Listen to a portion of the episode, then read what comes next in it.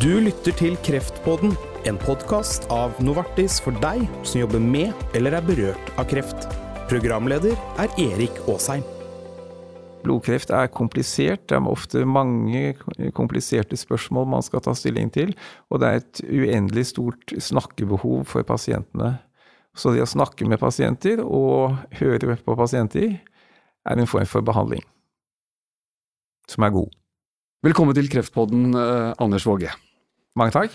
Du er overlege og kreftforsker på avdeling for blodsykdommer ved medisinsk klinikk eh, på St. Olavs eh, hospital i Trondheim. Og så er du også professor eh, ved NTNU, Institutt for klinisk og molekylær medisin. Og så er du ekspert på benmargskreft eller myelomatose, og vi skal snakke om ulike typer blodkreft og hvordan de skiller seg fra andre krefttyper.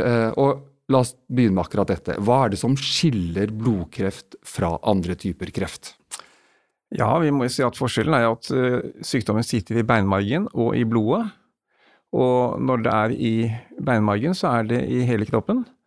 For beinmargen er inni skjelettet, i alle skjelettdeler i kroppen. Og når det er med blodet, så er det også i hele kroppen. Så vi kan si at uh, blodsykdommen er spredt i hele kroppen fra starten av. Så vi bruker ikke ordet spredning eh, når det gjelder blodsykdommer, de er, de er, de er til stede hele tiden. Ok, Så man sier aldri 'jeg har blodkreft med spredning'? Nei, Nei det sier vi ikke. Men sånn som man sier på andre 'jeg har kreft med spredning', det, det fins ikke? Nei, Nei. Det, det, det, begrepet fins ikke. Mm. Det finnes mange typer blodkreft. Eh, noen er svært ja. sjeldne. Eh, men de mest vanligste, hva, hva er det? Kan du fortelle om de forskjellige typene? Ja, eh, den aller vanligste heter myelomatose. Litt vanskelig navn. Eh, og det er ikke så mange som har hørt om den før de får den, eller før de får noen slektninger som har hatt eh, denne sykdommen. Mm. Og så har vi den nest vanligste, er kronisk lymfatisk leukemi. Og så vil jeg si at det som alle har hørt om, er jo leukemi. Mm. Og da tenker folk på akutt leukemi. Og den er eh, mer sjelden, eh, men den er jo mer dramatisk fordi det ofte er yngre folk, og at det kan være en alvorlig sykdom. Mm. Og så har vi en del, hel del andre sjeldne sykdommer som folk ikke hører om før de får den. Helsepersonell kjenner jo til det, selvfølgelig, men, men det er fortsatt vanskelig, sånn som mylodysplastisk syndrom, eh, myeloproliferative neoplasier og slike ting. Mm. Så, men vi får holde oss til leukemiene og myelomatose. Ja, og den sistnevnte, hva, hva, er det for noe? Altså hva slags type kreft er det?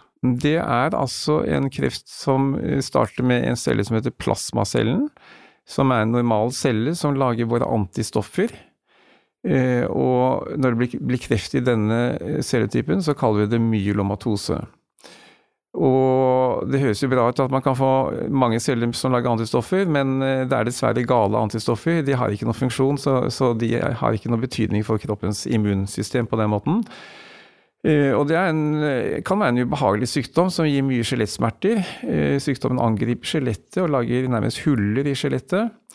Og man blir beinskjør, sånn som man kan bli på annen måte også, og kan få store plager med det. Mm. Men vi må også si at på den sykdommen så er det blitt veldig mye bedre behandling de senere år. Det er kommet veldig mange nye kreftmedisiner. Og Vi skal snakke om behandling eh, etter hvert, men, men, bare før vi går over på behandlingen, eh, Våge, så er det eh, du, du, du, nevnte her flere ganger også altså akutt og kronisk. Altså, hva, hva er forskjellen mellom mellom en akutt blodsykdom og en kronisk blodsykdom? Ja, det, det, ligger jo delvis i ordene, og det arter seg på den måten at akutt det, det starter brått og har en uh, veldig uh, raskt forløp. Hvis man ikke gjør noe, uh, så har det den fordelen at man også kan bli helbredet av de sykdommene. De kroniske leukemiene, særlig kronisk lymfatisk leukemi, er jo veldig langtrukken, og man kan leve med det i over 20 år med sykdommen. Men man blir altså ikke helbredet av sykdommen. Men man kan leve bra med det? Man kan leve veldig bra med det. Ja.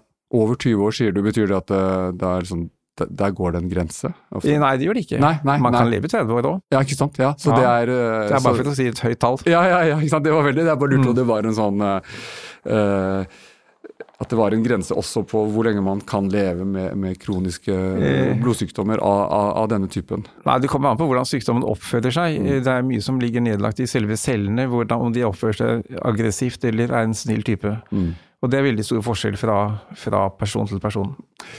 La oss snakke litt om behandling. Eh, eh, hvordan behandles blodkreft sånn? Altså, hva, er den vanligste behandlingsmåten, og, og, og, hvilke, og, hvilke, av typene er det som det er lettest å behandle?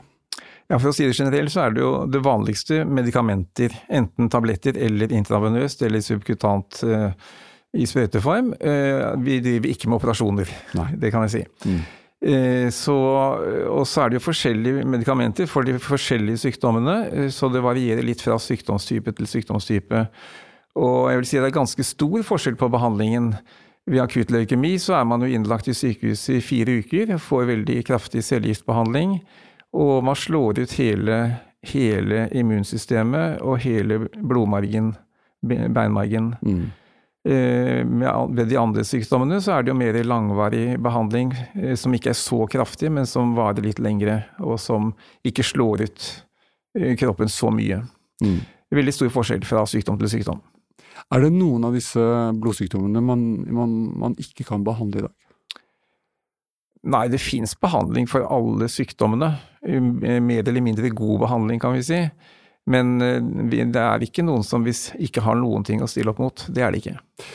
Um, siden 70-tallet så har benmargstransplantasjon eller stamcelletransplantasjon vært ganske vanlig behandlingsmetode. Hvordan er det det foregår? Altså på, og, og, og, og, hvilke av disse blodkrefttypene kan man, kan man, bruke det på?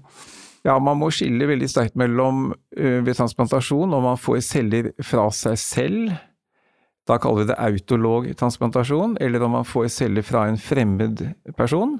Da kaller vi det allogentransplantasjon. Mm. Og det siste er jo en form for immunterapi. Da får man tilført et helt nytt immunapparat. Eh, og cellene i det immunapparatet de angriper faktisk kreftcellene. Så det er en form for avansert immunterapi, faktisk. Okay. Og det må ofte være et familiemedlem? Eh, eller? Det er helst familiemedlem hvis det er noen tilgjengelig.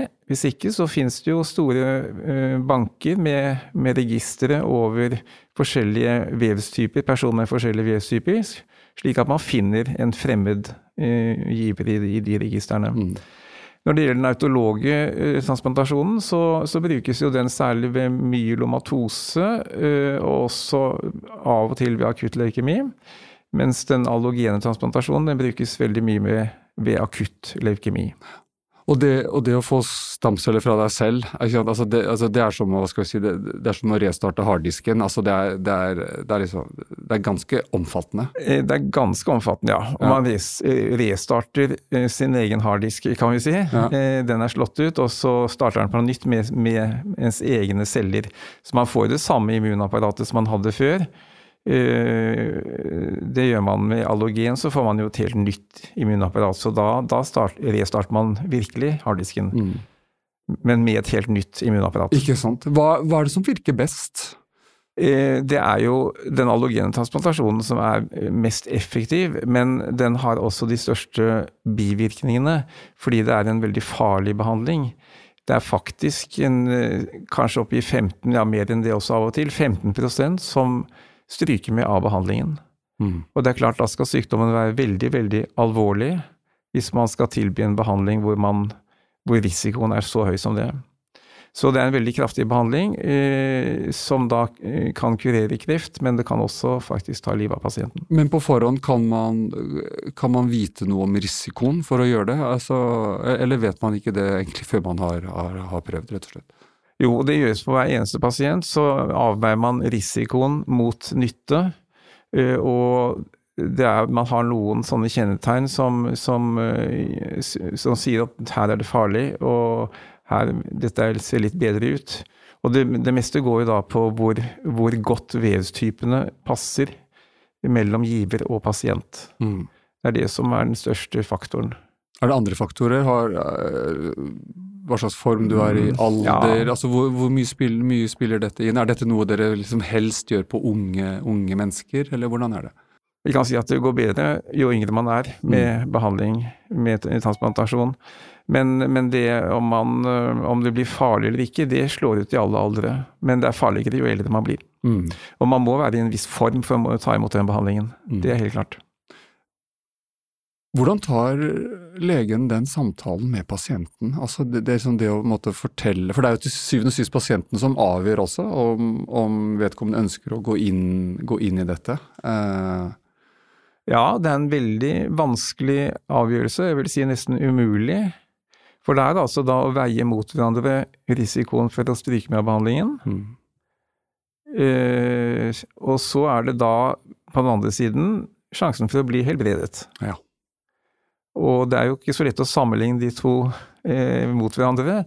Og det beste er hvis pasienten har en veldig sterk mening om det, eh, men de, de fleste vegrer seg for det. Og da må, må vi komme med en anbefaling mm. om det ene eller det andre. Og det er sannelig ikke så lett for doktorene heller å, å komme med en såkalt riktig anbefaling. Nei, Hva er det du sier da, helt konkret, til en, til en, til en pasient i en sånn situasjon? Ja, Man må jo legge fram risikoen. Det er man nødt til. Mm. Så pasientene må vite om den risikoen. Eh, og de må også vite om da muligheten for å bli helbredet. Så vi sier det egentlig akkurat som det er. Og så spør pasienten ofte hva ville du gjort? Ville du, ville du, ville du gjort dette øh, på din egen kone? Ja, si det. Det er ikke så lett. Eh, det er vanskelig å Man kan svare på sånne spørsmål når man ikke er i den situasjonen, og så er det ikke sikkert svaret er det samme som man ville svare hvis man var i situasjonen. Mm. Ja, for, ja, for, for, det er jo, du får jo ofte de spørsmålene fra pasientene. Ja. Hva ville du gjort? Ja, ja. ja. Og da, det er klart at Man må vel legge statistikk til grunn. Altså Hvis man behandler 1000 pasienter, hva, hva gir det beste utfallet totalt sett? Og så er det det at statistikk passer ikke for den enkelte pasienten, det passer bare for store grupper. Mm. Så man vet aldri hvordan det går akkurat med den pasienten. Men uh, man må nok styre mest etter uh, statistikk i, i, sånne situasjoner. Mm. Hvis man skal gi råd. Det var litt om benmargstransplantasjon. Um, la oss snakke litt om den nye, den nye immunterapien som nå brukes på på, på, på krefttype etter krefttype. Eh, hva vet vi om, om, hvordan den kan virke på ulike typer blodkreft? Ja, den har vært eh, den såkalt nye uh, typen av immunbehandling. Det er jo, uh, det er jo Vi har mye, mange typer immunbehandling, og også mm. holdt på med det i mange år. Eh, men folk tenker ikke på det så mye som immunbehandling, og folk har nok litt uklare begreper om hva det er. Ja, fordi nå tenker man jo litt på, på den typen som fikk eh, Nobels eh, medisinske pris, ikke sant? Ja, ja, ja. og man har hatt en, en, ny type immunbehandling som brukes ved føflekkekreft f.eks., som har vært en, en, stor suksess der. Og den har vært prøvd på blodsykdommer, eh, og den har ikke slått til på sånn som myelomatose f.eks. Eh, og ikke så veldig mye på de andre mm, blodsykdommene. Det som eh, kanskje er mer interessant, er jo CAR-T-celler som eh, prøves ut på blodkreftsykdommene, og der kan det være håp om at det virker. Ja, for det har vi snakket om i en tidligere episode av Kreftpodden, nettopp da CAR-T-metoden, som er et nytt og, og banebrytende behandlingsprinsipp. og og denne metoden bruker da pasientens eget immunforsvar til å bekjempe kreften. Og, og hva, hva, vet vi om effekten av det på, på folk med, med blodkreft? Ja, Det er litt tidlig å, si, å konkludere der, men det prøves ut på akutt lymfatisk leukemi og på lymfom uh, særlig. Men jeg vil si at det er litt for tidlig å konkludere. Og så er det nok også en veldig, veldig omfattende behandling som kan være litt vanskelig eh, organisasjonsmessig for helsevesenet, hvordan det skal, skal eh, implementeres i helsevesenet. Hvorfor det? Um, nei, det er veldig teknologisk krevende og, og mye laboratoriearbeid for å dyrke celler og slike ting. Sånn at det er et ganske stort apparat som må settes i gang for å få det til. Så man har ikke nok spesialister egentlig på dette, dette feltet? At, nei, spesialister og ressurser for øvrig. Det er mm. mye økonomi inne i bildet også. Mm. Så har vi en, en annen type som heter bite-antistoffer. Det er antistoffer som vi kan tenke oss to armer. Den ene griper fatt i kreftcellen, og den andre eh, griper fatt i en T-celle og, og, bringer disse cellene i nærheten av hverandre. Og, og det er nok til at T-cellene da angriper kreftcellen. Mm. Og det er et prinsipp som kanskje er vel så lovende enn en KIT-behandling. Så eh, det er for tidlig å, konkludere her, men eh, vi vil nok få svar i løpet av et par år hvordan dette ligger an. Det, det er både den rene effekten av denne behandlingen, men også ressursbruken som kommer inn her. Mm. Men det er absolutt Det vil helt sikkert komme gjennom som behandling på en eller annen måte. Og en annen behandlingstype som jeg ble litt overrasket å høre at man fremdeles holder på med, det er årelating. Det, det, det høres liksom litt sånn som man ser på, på, på, på filmer fra 40-tallet, men, men, men det, det, er også en, en metode. Ja, det, Helt konkret, hva, altså, ja, du, du, må fortelle, hva, hva, er det man gjør da? Ja, altså Det er et stort sprang fra karakterceller til årelating, det ja, er jeg helt ja, enig i. Men, eh, og Årelating er jo den eldste av alle behandlingsmetoder i, i medisinen, og den jeg eh, kan si at den lever faktisk i, i beste velgående i dag. Eh, I, I, kreftbehandling på blodsykdommer så bruker vi den behandlingen på den sykdommen som heter polycytemia vera. Mm. Vanskelig navn, men det er altså for mange røde blodlegemer. Eh, og hvis man har det, så tapper man rett og slett blod. Mm. Og, og, det gjøres eh, daglig på poliklinikker for blodsykdommer på de fleste sykehus. Akkurat. Men hvis jeg hadde hatt en kreftlege som sa det til meg, så hadde jeg vel sagt hæ?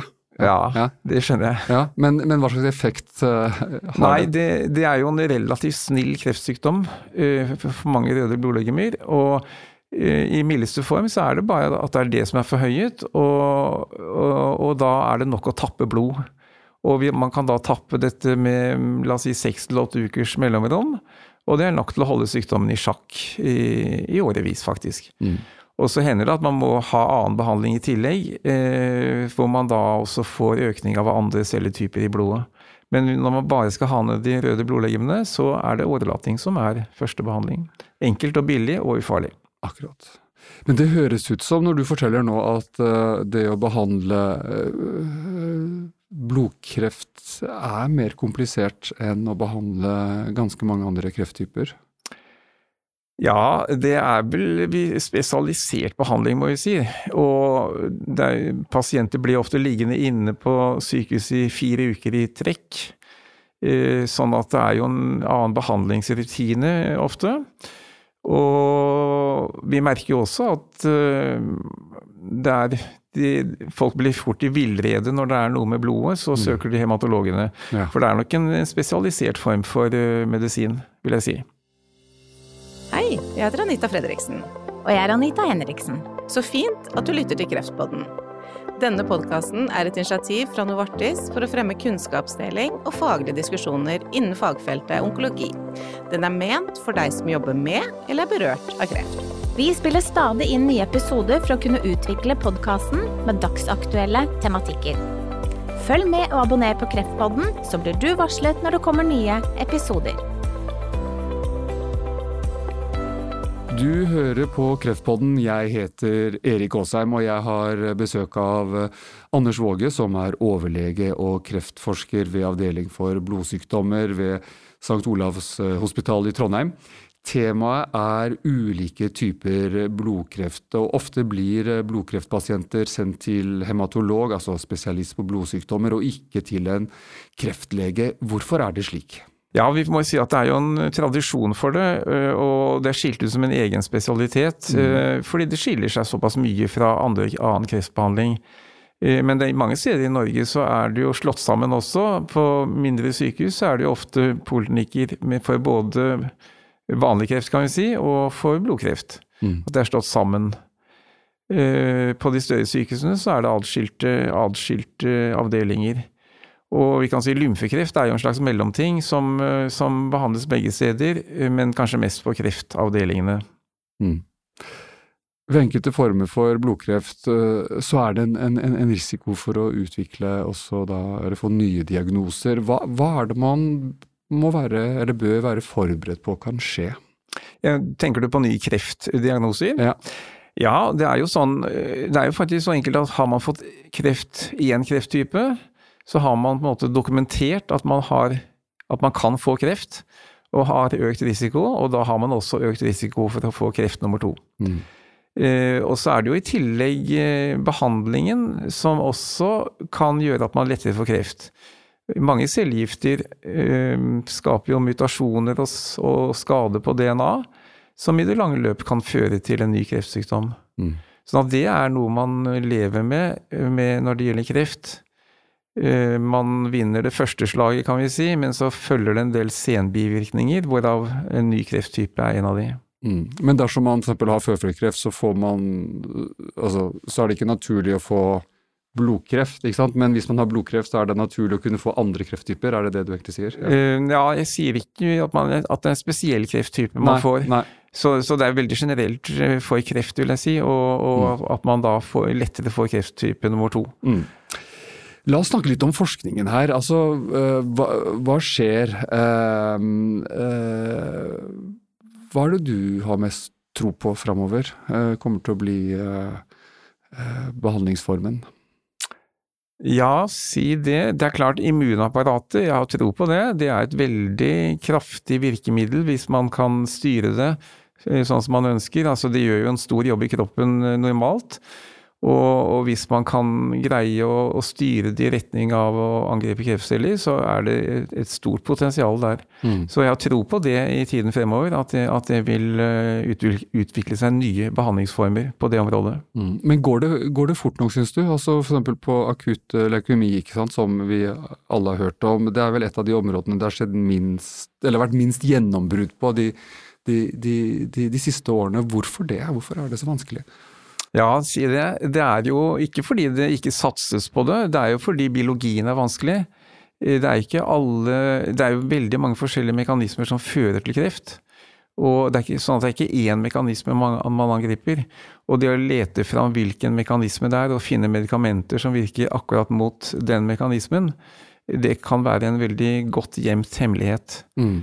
Eh, og, og, det er det som eh, er litt tilfeldig, hvordan akkurat eh, det skjer. Jeg syns f.eks. at kronisk lymfatisk leukemi har jeg alltid sett på som en, en veldig sykdom som har vært veldig vanskelig å gjøre noe med. Men det har vist seg at der har man funnet medikamenter som er veldig gode. Mm. Det har kommet dalende ned, får vi si. Mens akutt leukemi, der har det, har det ikke vært sånne slike gjennombrudd. Så akkurat hvorfor det skjer med enkelte kreftformer, det er ikke så godt å si. Det er, det er litt tilfeldighet i det. Hva, hva, slags kliniske studier er det som foregår nå, altså eh, i Norge f.eks., eh, som er de mest spennende? Ja, det. Det er, det er, altså en lang rekke studier, og det er veldig mange nye medikamenter. Eh, vi kan si at kunnskap om, om molekylærbiologi og metoder som er utarbeidet for å studere molekylærbiologien, det gjør også at man finner nye angrepspunkter. Mm. Uh, og, og, jeg vil si at uh, tempoet i medikamentutviklingen har økt veldig uh, de senere år. Mm. Så, så i tiden fremover så vil det komme mange nye medisiner mot forskjellige krefttyper. Det er jeg helt overbevist om. Og det kan komme så mange at det kan bli vanskelig å håndtere for det, det vanlige helsevesen, vil jeg si. For det er jo en stor kostnad ved disse medikamentene også. Så hvordan det ser ut om ti år, det er sannelig ikke godt å si. Mm. Men at det vil være mange flere medikamenter, det er jeg helt sikker på. En del av disse sykdommene er jo ganske sjeldne, eh, og, det er få mm. som får det. Eh, eh, liksom, Likevel vil det være sånn at dersom det, det, det, det kommer medisiner for det, så, så, så vil det bli tilgjengelig. Altså, for det, skal jo utprøves, og så er det liksom, så er måte, gruppen som kan være med på kliniske studier er veldig få. Ja. Er det også en av utfordringene med å klare å teste disse mm, medisinene? Ja, det er det absolutt. Eh, det er klart, eh, medikamenter blir jo det er lettere og mer attraktivt å lage medikamenter på store pasientgrupper. Mm.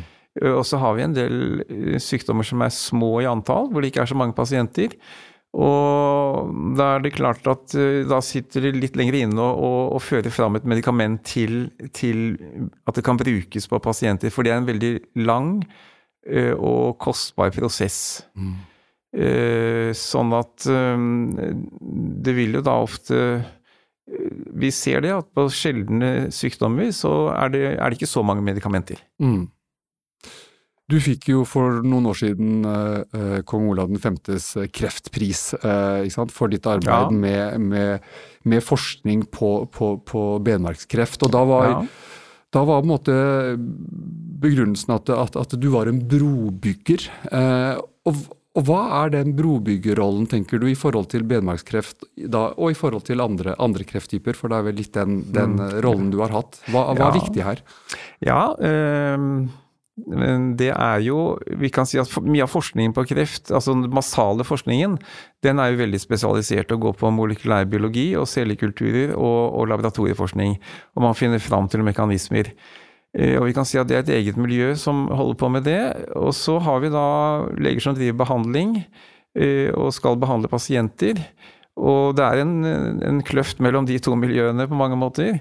Eh, og det å da være interessert i begge deler og holde på med begge deler, det er en egen virksomhet, vil jeg si. Eh, det er jo Tiden strekker ikke alltid til. Eh, man føler at det kanskje kan være Man skulle brukt mer tid på begge deler, men man oppdaget også at det er en egen kompetanse å, å ha kunnskap om begge deler og kunne bygge bro mellom de to mm. virksomhetene. Det er veldig, interessant å holde på med, syns jeg, og, og eh, jeg ser det som har vært veldig nyttig. Tre ting å ta med seg fra denne samtalen. Ja, da vil jeg for det første si at uh, de neste ti årene så vil det komme mange nye behandlingsmetoder. Det er en rivende utvikling på uh, utvikling av medikamenter. For det andre så vil jeg si at når det gjelder blodkreft, så kan man bli helbredet av mange av krefttypene, og man kan også leve lenge med mange av krefttypene. Mm. Eh, for det tredje så vil jeg si at eh, det å stelle med kreftpasienter, det er en egen virksomhet. Eh, blodkreft er komplisert, det er ofte mange kompliserte spørsmål man skal ta stilling til, og det er et uendelig stort snakkebehov for pasientene. Så det å snakke med pasienter og høre på pasienter er en form for behandling som er god. Takk for eh, praten, eh, Anders Våge. Du er overlege og kreftforsker ved St. Olavs eh, hospital i Trondheim. I neste episode av Kreftpodden får jeg besøk av Helle Aanesen, som er leder av Aktiv mot kreft, og som fokuserer på det friske i pasientene og har etablert solide tilbud som kreftrammede trenger. Vi høres i Kreftpodden. Jeg heter Erik Aasheim.